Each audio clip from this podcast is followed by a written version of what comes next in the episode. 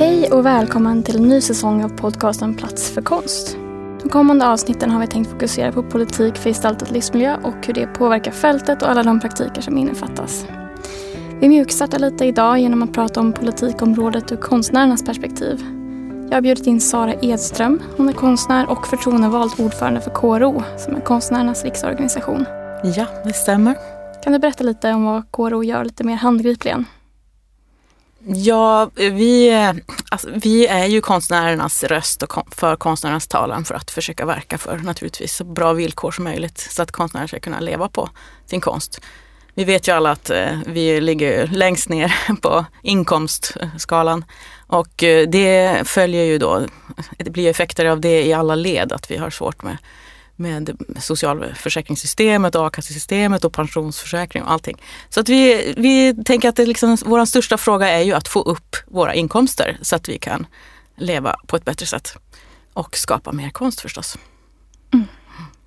Upplever du att eh, politikområdet gestaltad livsmiljö har betydelse för era medlemmar? Speglas det i liksom, de frågorna som ni tar upp? Ja, alltså från början vet vi ju att eh, just konsten inte riktigt fanns med i det här politikområdet och det har vi ju kritiserat. Och det, men nu finns det ju med, om, och, men vi tycker att det kanske fortfarande saknas just konstnärens perspektiv på det hela. Men eh, vi har ju goda förhoppningar förstås att det ska leda till eh, mer uppdrag, att eh, staten har verkligen fått en tydlig roll att till exempel följa enprocentsregeln och vara en bra beställare av konst. Så det är ju en jätteviktig både jätteviktig inkomstkälla för konstnärer att kunna leva på sin konst men det är också att få möjlighet att skapa en, den typ av konst som man kanske inte kan till en vanlig utställning eller, eller så. Så att det blir ju ett, en bra konstnärlig utveckling ju mer stora uppdrag man kan göra. Så vi, vi har väl goda förhoppningar att, att eh, om den här samsynen på liksom, vad som ska ingå i det här politikområdet, gestaltad livsmiljö, om konsten kommer in på ett bra sätt. Både som fysisk gestaltning förstås, men också som just det tankesätt som konstnärer kommer in med. Så kan det leda till mycket bra saker. Mm, för som du säger, från början så var ju konst kanske inte helt uttalat med i det här, utan det, alltså att det var, pratades om arkitektur, form och design som ett gemensamt ja, område. Men vad tror du att det var som liksom, var avgörande för den förändringen i, liksom, i det politikområdets formulering?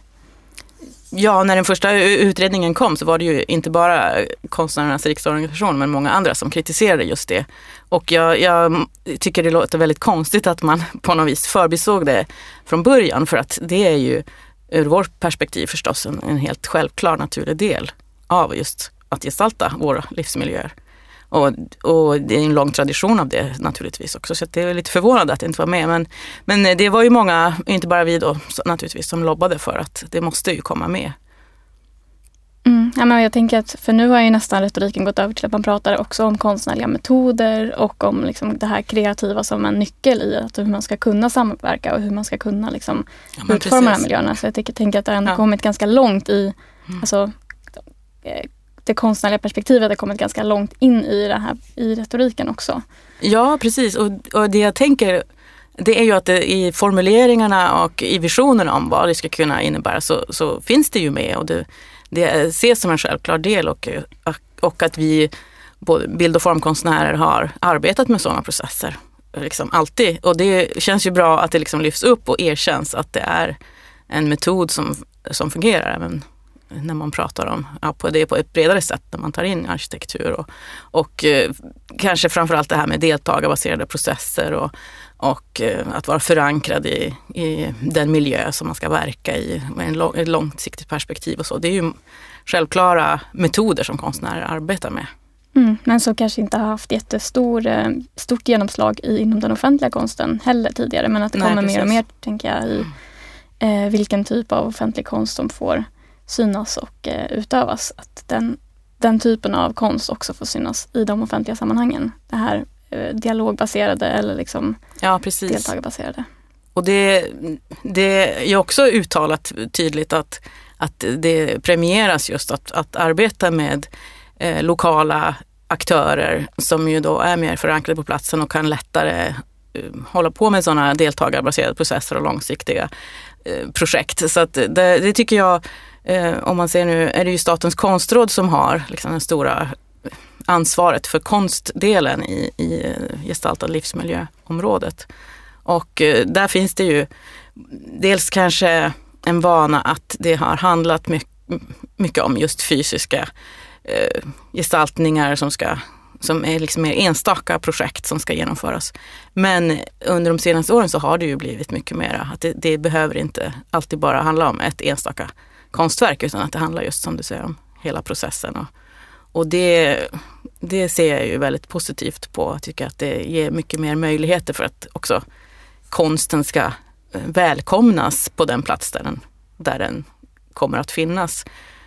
Så det behövs ett förankringsarbete både innan och eh, någon sorts pedagogiskt och ja, förankringsarbete även efteråt. För det vet vi ju alla att offentlig konst eh, blir ofta väldigt diskuterad och ofta ifrågasatt. Och då behövs det ju ett, ett sånt långsiktigt samtal om varför den ska finnas och vad vi ska ha den till. Men ser du på den utvecklingen som att det kanske finns en eh, potential för konstnärens roll i samhällsbyggnadsprocessen eller liksom i, i den offentliga debatten, att konstnärsrollen kanske förändras?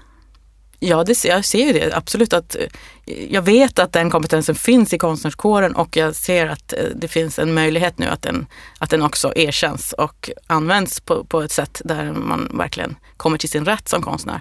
Så att, ja, det, det hoppas jag på och det ser jag positivt på. Men, men samtidigt så, så vet vi ju då att alla sådana här processer där det ska vara mycket samverkan och dialog och, och långsiktighet kostar ju då också pengar, för tid är pengar.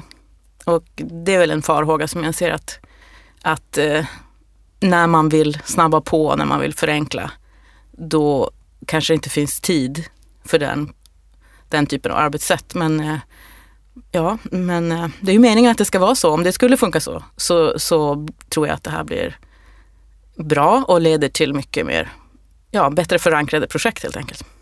Mm. Jag hörde på något sånt eh, samtal med Amanda Lind, kulturministern, och hon sa att här, om tio år så tänker hon att det här kommer vara eh, praktik. Eh, så det är ändå ett ganska långt perspektiv i liksom eh, Jaha, kanske hon inte, har sagt tio år. Okay. Ja, eller, ja. Då, då är det inte utifrån kanske, det är inte ett långt perspektiv utifrån i samhällsbyggnadstermer nej, kanske, nej. men i eh, men ändå i eh, politiska termer så är det ganska många, det är flera mandatperioder och flera liksom.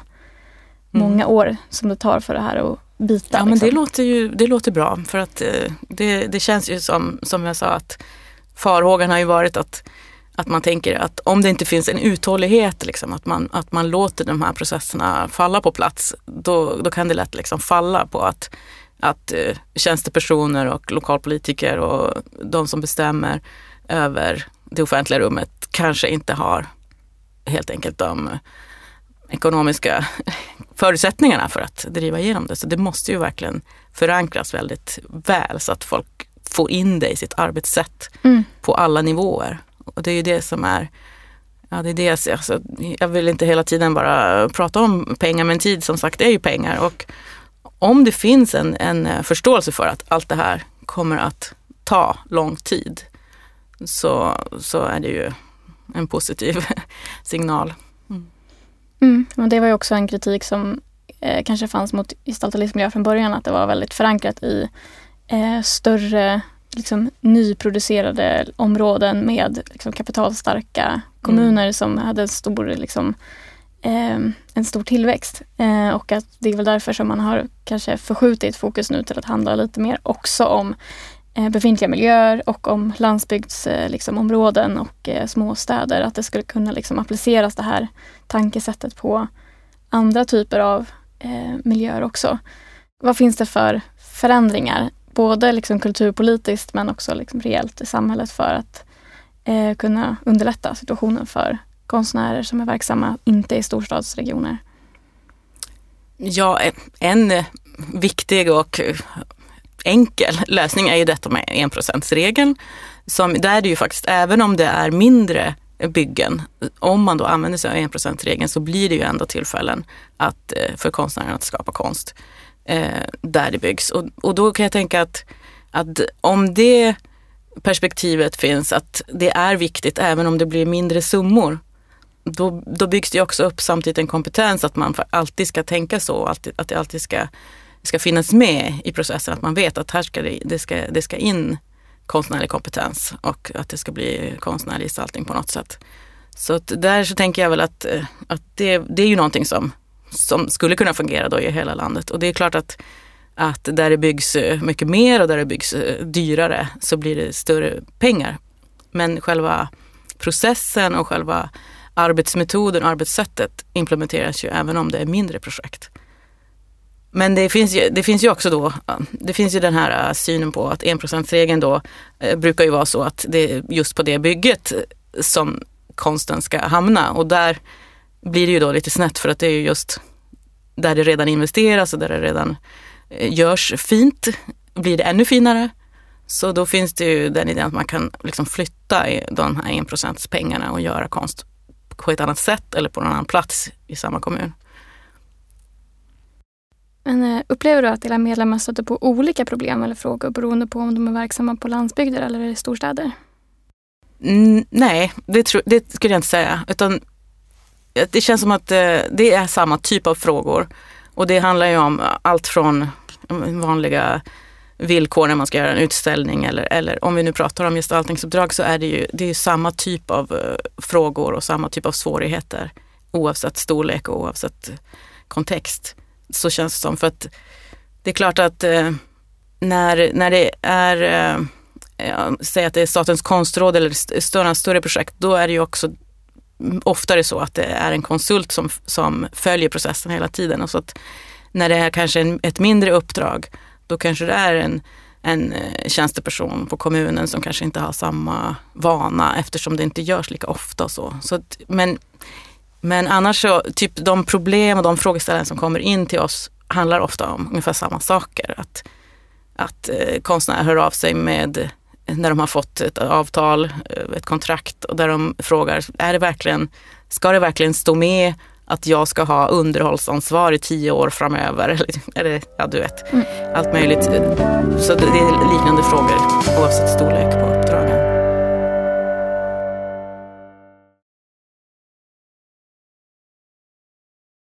Någonting som tas upp explicit i gestaltad miljö och som jag vet att ni jobbar mycket med på KRO är allmängds avstånd eller konstnärlig frihet. Varför är det viktigt?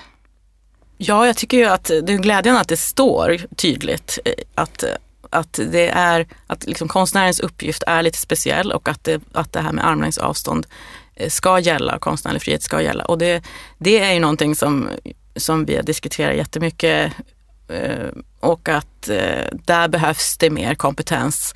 För att ibland ser vi ju att eh, ja, politiker då vill styra av en ideologisk anledning för att man inte tycker att det är passande på något sätt. Men ganska ofta så handlar det också om okunskap och och kanske ja, lite slentrian eller att man inte riktigt tänker på vad man gör när man till exempel lyfter ner ett konstverk från kommunhuset. Eh, bara för att man som lokalpolitiker tycker att den var ful eller något. Och det, så det, det, det är liksom, hela skalan där behövs förstärkas, att man, man måste prata om det här mycket mer. Vad har man för befogenhet? Och då, jag tycker det är ganska lätt att tänka att att det är ju, det är ju dels eh, konstnärlig frihet, yttrandefrihet, det, det tycker vi ju alla är självklart.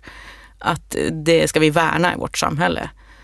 Och om man då sen också tänker att det är, om det är offentliga medel så har det ju beslutats på en, i en demokratisk process vem som ska bestämma vad som ska göras och eh, hur mycket pengar och så. Så att om man sen som, som lokalpolitiker går emot det, då är det ju som att man man går emot det demokratiska beslutet och man, man eh, tar sig friheter med vår allmänna egendom. Så det, det är kanske någonting som man inte tänker på att det är det man gör när man till exempel bara helt enkelt kanske lyfter ner en tavla eller en garderob och så förstörs den. Då har man ju också förstört ett både konstnärligt men också ekonomiskt värde som är allas vårat. Bra, det känner jag att vi behöver. Alla, alla som jobbar med konst i liksom, eh, i offentlig förvaltning borde ju stärka sina, sina argument för armlängds ja. avstånd tycker jag. Ja, men det, jag känner att det blir, det blir alltid så sammanblandat med, liksom, vi har så vi har så itutat i oss att det är den som betalar som ska bestämma. Så att om, om det är privat finansierat så är det ju den som betalar som ska bestämma exakt hur det ska se ut. Och då tänker man också kanske det i det offentliga, att man tänker att då är det kommunmedborgarnas som ska få bestämma vad det ska uppföras för konst. Och det just när man pratar om konst så tänker man så, men kanske inte om man tänker att det ska byggas en ny bro eller någonting. Då förväntar sig inte alla kommunmedborgare att de ska få vara med och bestämma, utan då litar man på att där finns en expertis som har, som har bedömt att det ska vara en bro just där och det ska vara den och den arkitekten och den byggaren som gör det. Men i konstsammanhang så, så ifrågasätts det ju mycket mer. Och man tycker att, att eh, det blir en sorts värde i att, att eh, medborgarna ska få bestämma vad de tycker är fint och fult. Och jag kan ju tycka på ett sätt att, eh, att det, är väl, det är väl bra att man engagerar sig. Men man måste ju också förstå att, att vi har ju den offentliga miljön och den offentliga konsten just för att kanske vi ska möta sånt som inte skulle ha valt själva. Och att konsten finns till för att vi ska se någonting som vi inte visste att vi ville se och diskutera saker och reagera på saker som ligger liksom utanför våra vanliga preferenser. Ska säga.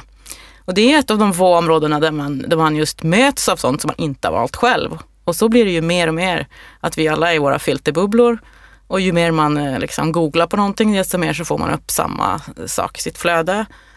Men i det offentliga rummet så kan man då plötsligt mötas av någonting som man inte har valt själv. Och då uppstår det andra samtal och andra värden och som jag tycker är väldigt, eh, väldigt väsentligt att vi har kvar. Och även om man pratar yttrandefrihet och det liksom fria ordet så om man tänker att, att eh, eh mediavärlden förändras ju också och kanske blir mer och mer eh, i sina filterbubblor där också vad vi ser för nyhetsflöden och sådär. Så därför, och, och att det, mm, det, finns ju krafter som vill skära ner på public service. Eh, av samma anledning så tycker jag att eh, det, det är liksom samma sak där. Att där, där kan vi också mötas av sånt som vi inte hade valt själv. På samma sätt som den offentliga konsten.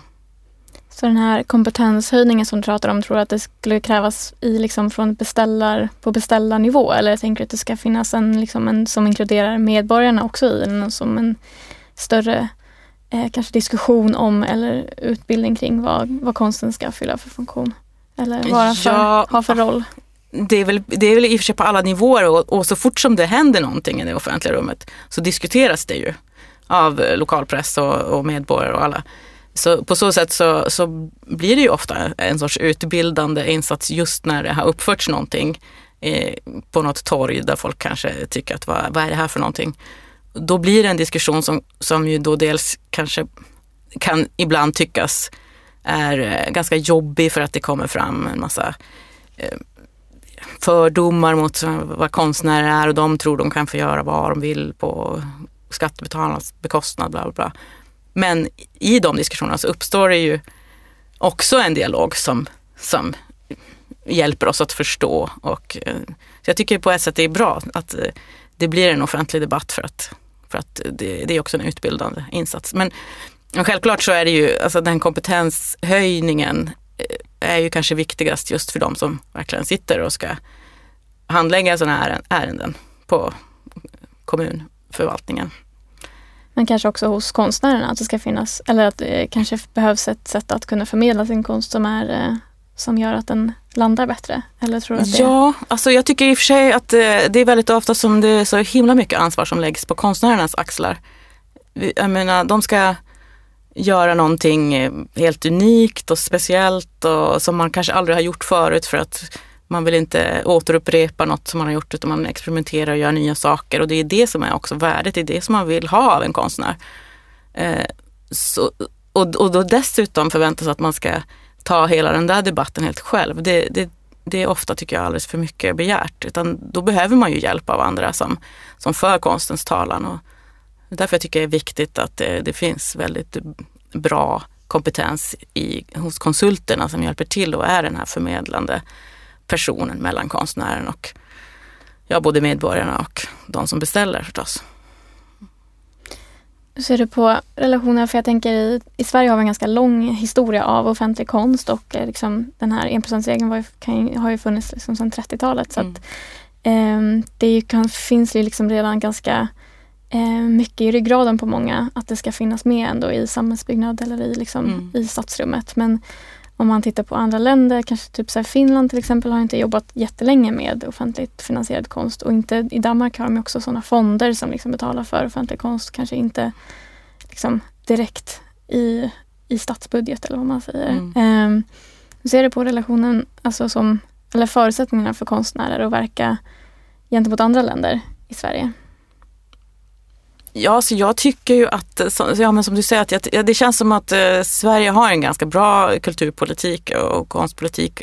Det som jag tänker på när du säger att det, det har funnits länge och det här enprocentsregeln och vi är vana att se konst och så, det, det, det är ju på ett sätt eh, sant och bra men det vi hela tiden måste tänka på är ju att konsten inte ska vara ett verktyg hela tiden för att, för att liksom ha någon sorts berättigande så ska den uppfylla Eh, alla möjliga andra du vet, uppgifter i samhället. Att man måste hela tiden komma och prata om den konstnärliga friheten och att konstnärer ska få skapa verk som kanske inte alls har någon så specifik uppgift att liksom fostra oss på något sätt. Om man, man tänker, från början så, så kanske man använder konsten mycket mer på det sättet att, att den ska liksom symbolisera någon sorts nationalstaten eller någon sorts sammanhållning eller, eller det ena och det andra.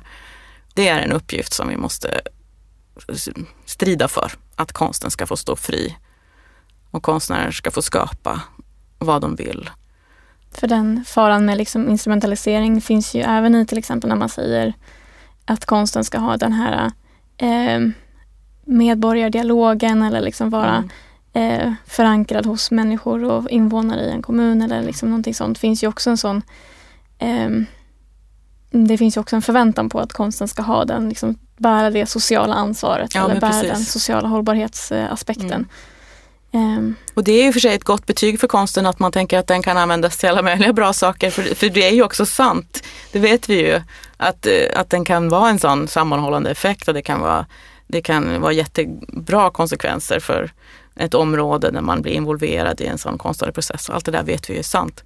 Så det måste, men det måste också Eh, Eh, hela tiden, eh, man måste påminnas om att, att det är inte det primära värdet, att man ska ha den där effekten. Men ja, att det är viktigt att det, att det ska finnas rum för konstnärer som jobbar på olika sätt. En del konstnärer använder sig ju av det här eh, deltagarbaserade processer i sitt konstnärskap och då är det ju helt självklart.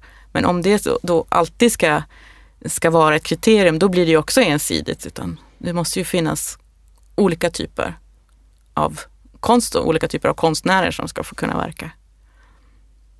Arktis kom ju nyligen med en utvärdering av hur arbetet med gestaltad livsmiljö har bedrivits. Och det som de tycker saknas i det nuvarande arbetet är uppföljningen av frågor om segregation och delaktighet och så. Vad tycker du saknas i det nuvarande arbetet?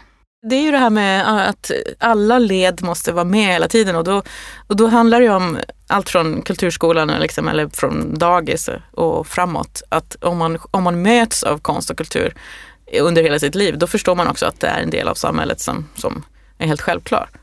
Men om man bara eh, ser det som någonting som någon sorts konstelit håller på med någonstans, någon annanstans, det berör inte mig. Då är klart att då kommer det mer kritik mot att varför ska, varför ska de ha betalt för att, för att göra det där som, du vet, de står och kluddar och det hade väl jag kunnat göra lika bra, den åsikten. Men så om man möts av det och får naturligtvis också prova på själv så blir det en ökad förståelse för vad det betyder, vad det är för någonting att hålla på med konst och kultur helt enkelt. Mm. Jag tänker det, det, det, finns ju bra formuleringar där att det också eh, handlar om att det ska finnas eh, lokaler att arbeta i, mm. alltså som är till rimliga priser. Och det är ju en sak som, som jag känner att den har liksom kanske fallit bort tidigare. Att det är en så viktig del av att att om man, ett konstprojekt som också är just så långsiktigt och delaktigt, att, att då måste ju också det finnas plats och möjligheter att verka och det vet vi ju att, att eh, det är svårt att hitta ateljéer till rimliga priser och produktionsplatser till rimliga priser där man faktiskt kan skapa konst och där man finns just på platser där andra människor redan lever och finns. Så det tycker jag, där finns det ju en stor förhoppning att det skulle kunna fungerar bra, till exempel att samarbeta med självorganiserade konstinitiativ som, som är just förankrade på platsen. Och om det finns den eh, medvetenheten innan man planerar eh, en stad, att det är ett värde, då öppnar det upp för mycket, mycket mera eh, konstprojekt som kanske inte bara handlar om just ja, skulpturer på torget utan det handlar om konstprocesser som kan fortsätta under en längre tid. Så, så det, det området är ju bra om det kan lyftas upp ännu mera eh, tack vare det här gestaltat livsmiljöpolitikområdet där, där det faktiskt just är formulerat så att det är viktigt. Mm. Jo men att man ser konst som processer i liksom både att det finns produktion eller mm. platser för konstutövande och mm. liksom, eh, produktion men också för mm. att liksom, det finns ett eh, kretslopp att inte bara att konsten ska komma på plats och Nej, precis. den ska komma jag, medborgarna till gagn utan att det ja. också är liksom en och jag tänker att det är, det är viktigt att se konstnärer arbeta. Att Man ser att det finns konstnärer i samhället. Att de inte är liksom undanstoppade någonstans eh, i någon, någon ateljéförening på något industriområde som ingen liksom ser vad det är. Utan gärna liksom mycket mer centrala platser där man kan ha öppet eh, ibland så att folk ser att här finns det konstnärer och här kan man jobba med konst. Och det kan ju verkligen öppna upp för folk som, som inte har det eh, liksom, i sin man tänker sig inte att man ska kunna bli konstnär för att man vet inte hur det är och vad betyder det och hur, hur gör man och hur överlever man och så. Så det tycker jag, om det skulle vara eh, vanligare att det, att det finns just ateljékollektiv och konsthantverkskooperativ och sånt i ens närmiljö, då ser man att det här är någonting som jag också kan jobba med och då kanske fler och fler kan kan söka sig till att bli konstnärer och designers och formgivare och allt. Men den stora frågan, alltid om vi pratar om det, om, om det segregerade konstfältet, det handlar ju om att eh, vi måste tjäna mer pengar som konstnär. För att, för att du ska kunna välja att jobba med, med eh, konst så måste du ju se att du kan försörja dig på det. Om man inte har med sig det liksom så, att, så att man har föräldrar med lite pengar eller man har en konstvana hemifrån, då är det alldeles för stort steg för att det är helt enkelt för, för ekonomiskt eh, riskabelt. Och det gör ju att det blir en segregation. Vad ser du för, eller vad, ni på KRO kanske också har liksom visionerat vad som är, vad skulle vara den största liksom, eh, kulturpolitiska skillnaden för att det skulle bli bättre förhållanden för konstnärer? Alltså, är det i avtal som det ska regleras eller ska man göra en annan insats för att höja? Ja, det är ju tyvärr så att man måste jobba på så himla många fronter samtidigt. För att även om vi pratar, vi pratar ju mycket om, om att höja ersättningarna för när man gör utställningar, det som det heter MU-avtalet och då är det ju nu väldigt många som, som betalar eh, det som är liksom utställningsersättningsdelen av det. Men M står för medverkansersättning och det ska ju egentligen bekosta produktionen av, av en utställning. Men om man ser att en konstnär kanske jobbar så pass länge så att den, det kanske egentligen skulle vara värt 300 000 kronor så får man kanske 30 000 kronor som bäst i medverkansersättning. Det gör ju att, att eh, alltså nivåerna måste, måste öka på medverkansersättningen. Men även om alla skulle betala precis korrekt som vi tycker bra ersättningar så finns det ofta för få utställningsmöjligheter det är ändå för få konstnärer som skulle kunna få en vettig inkomst. Så att det behövs ju mer plattformar för utställningar. Det behövs mer arbetstillfällen helt enkelt. Så att man måste jobba som både för ja, de här vanliga villkoren och arvoden och vettiga avtal men man måste också jobba för att det ska bli en... Det ska, just nu försvinner det ju utställningsmöjligheter för att många är så ekonomiskt pressade på allt från länsmuseer till kommunala konsthallar och, och så vidare. Så det behövs mer, mer plattformar. Okej, så har, det finns ingen quick fix för eh, vad, hur konstnärernas eh, status ska höjas eller hur deras eh, hur arbetsförhållandena ska bli bättre för konstnärer i Sverige? Nej, det finns väl ingen direkt quick fix men, men att, att det handlar om synen på att, konstnär, att vara konstnär är ett yrke. Det är ju någonting som måste liksom, det måste bli en större förståelse för. För fortfarande idag så möts vi av att eh, eftersom det, vi har så roligt på jobbet så, så behöver vi knappt få betalt. Och jag tror, men jag tror att, eh, att sprida information just om, om vad det innebär att jobba som konstnär. Att, att eh, alla, alla led är liksom viktiga och att det inte bara handlar om kulturfrågor utan våra frågor hamnar ju i Finansdepartementet och Näringsdepartementet och, och Arbetsmarknadsdepartementet och allting. Att det, blir, det är en sån eh, komplex bild av eh, vår arbetsmarknad där vi tyvärr är ganska, vi har det lite svårt på alla de olika fronterna. Så det är, det är, men då är det ju den här förståelsen just som, som vi måste tjata om hela tiden. Mm. Att hur det, och ja, vi har ju drygt 80, nästan 90 procent av medlemmarna jobbar, har som enskild firma till exempel. Så det är ju någonting som nu regeringen har sagt att nu ska de komma med lösningar som hjälper enskilda firmor nu också i coronakrisen. Och eh, det är ju någonting som vi ser positivt på. Men även där så, så ser vi ju att eh, man ofta lägger nivåerna så pass, ändå så pass högt så att det inte kommer våra medlemmar till del. Att man, att man lägger som en minimi eh, omsättning på 200 000 kronor till exempel. Och vi har ju många medlemmar som ligger under det och då faller man ytterligare utanför. Så att eh, jag tänker att där kanske gestaltad livsmiljö till exempel kan ha en verkan ändå. Att man ser alltså att konstnärer lyfts upp som ett, eh, ett, ett riktigt yrke om man säger så. Ja. Att det också finns en, en förståelse för att det finns bakomliggande processer. Att det inte bara handlar om objekt eller om eh, liksom, mm. eh, slutprodukter utan mm. också om eh, ett arbete fram till den slutprodukten. Ja men det är precis, det är det jag ser som hoppfullt att man, att man tar till sig den konstnärliga kompetensen på just det. Att, att, det, att det handlar om att vi är ganska vana med att jobba med, med långa processer och ganska komplicerade processer som ju då verkligen ska kunna ta till, tas tillvara ett sånt här äh, politikområde. Men ja, vi får ju också, som det ser ut nu, så får vi röster från konstnärer som har varit med i projekt där man, där man upplever sin roll som väldigt oklar. Och det kanske är för att det här det kommer ta ett tag innan, innan det faller på plats hur man ska jobba med, med sådana processer. För att eh, om du sitter där som konstnär och inte riktigt vet i, vil, i vilken egenskap sitter jag här?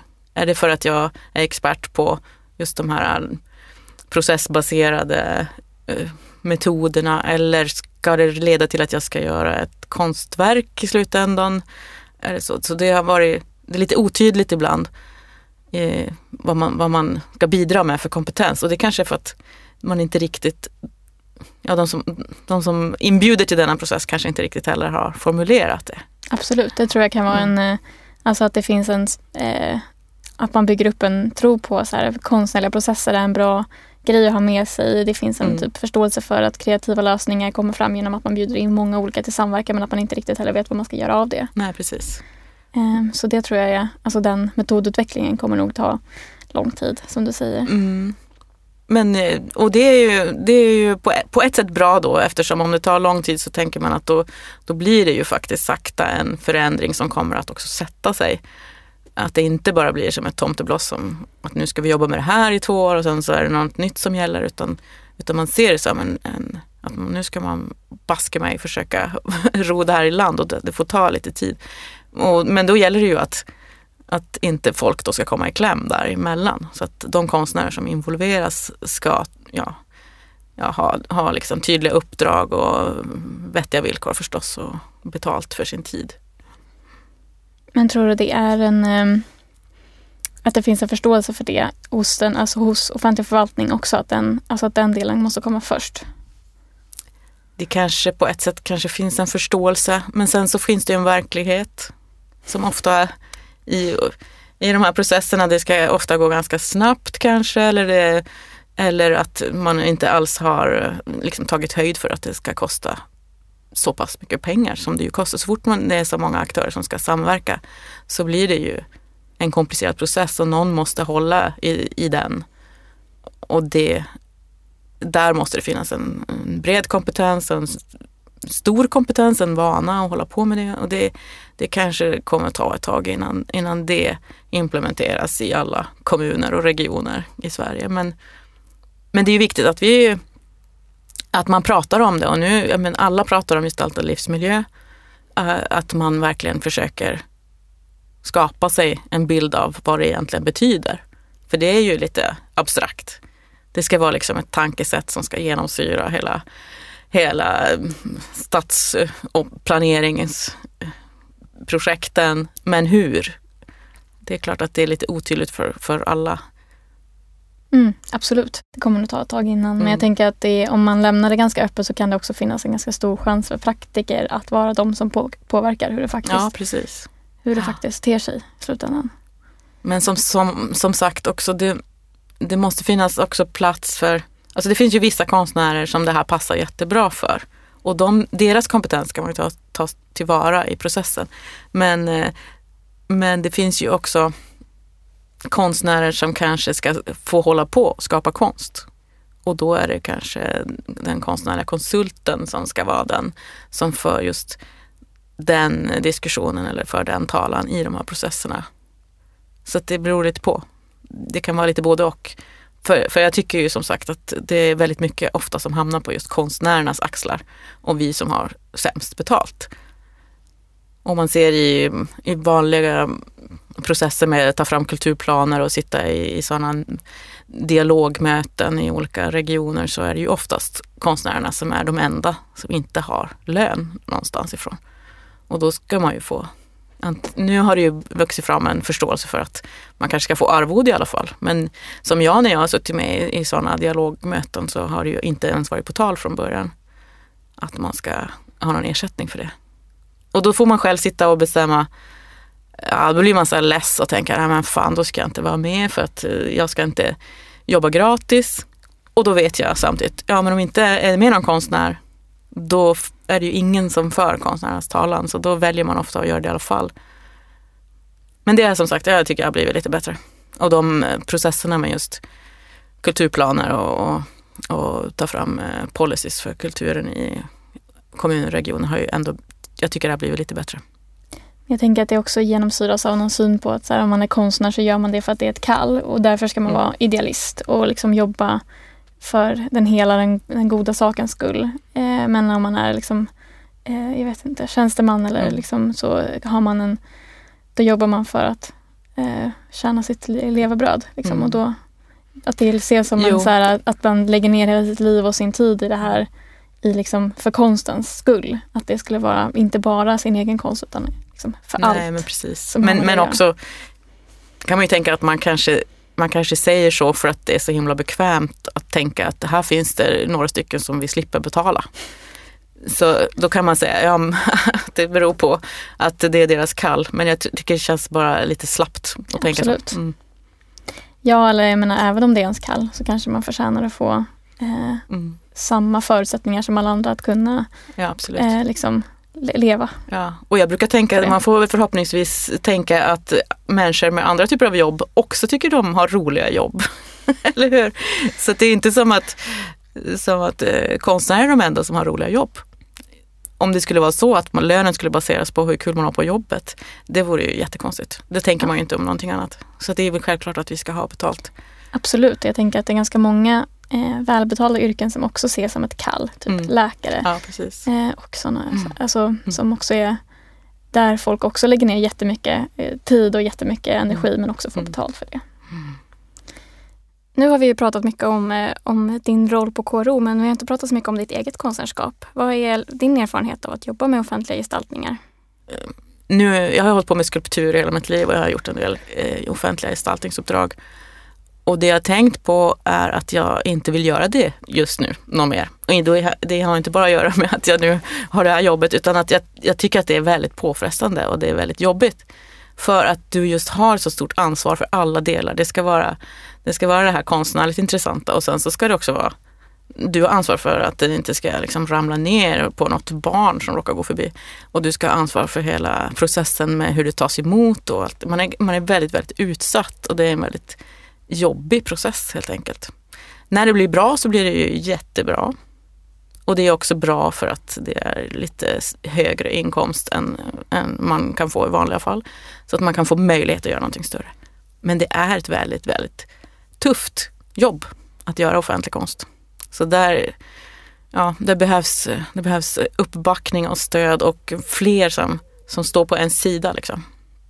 Det tror jag är viktigt att komma ihåg i alla mm. situationer. Att mm. så här, man, man bär ett väldigt stort ansvar ja. som konstnär. Både liksom i den materiella liksom, mm. aspekten. Att det ska Precis. hålla och att det ska vara men också i liksom, mm. eh, tankegods i så här, när folk kritiserar eller kommer i liksom, mm. när, när det helt plötsligt byter politisk inriktning i kommunen så är de emot det här och då står man fortfarande själv. Ja. Och de, de som var med och beslutade har liksom inte, inte med i bilden längre och de som är, alltså det är väldigt, det är ett ja, tungt ansvar. Det, det, ja, det är en utsatt position. Mm. Nu ska vi strax avsluta men jag undrar om du har någonting, någon sista ord att lägga till? Nej, det var väl det jag tänkte liksom, om vi tänker på det här politikområdet och att det handlar om, att det handlar om eh, arkitektur, form och design och konst och att då konstens talan förs och liksom, det är Statens konstråd som har ansvaret för konstdelen. Då tänker jag att det är väldigt viktigt att eh, det är inte bara konstens perspektiv utan även konstnärernas perspektiv. Och då, då är ju eh, det är ju vi som har den absolut närmsta kontakten med just utövarna och att eh, vi är gärna med i dialogen. Och det tycker jag väl att vi, att vi är, men ännu mer att vi, ett, även de som håller på med kultur och konst, eh, på, både på myndigheten och på eh, kulturdepartementet, även de, de vet inte riktigt hur det är att vara konstnär och det vet vi. Perfekt. Då vet alla att mer information finns på KROs hemsida och vi tackar jättemycket för din medverkan Sara. Det är väldigt kul att vara tillbaka med podden. Jag heter Molly Sjögren och du har lyssnat på podcasten Plats för konst som är en del av Art Platform. Vi hörs snart igen. Hej då!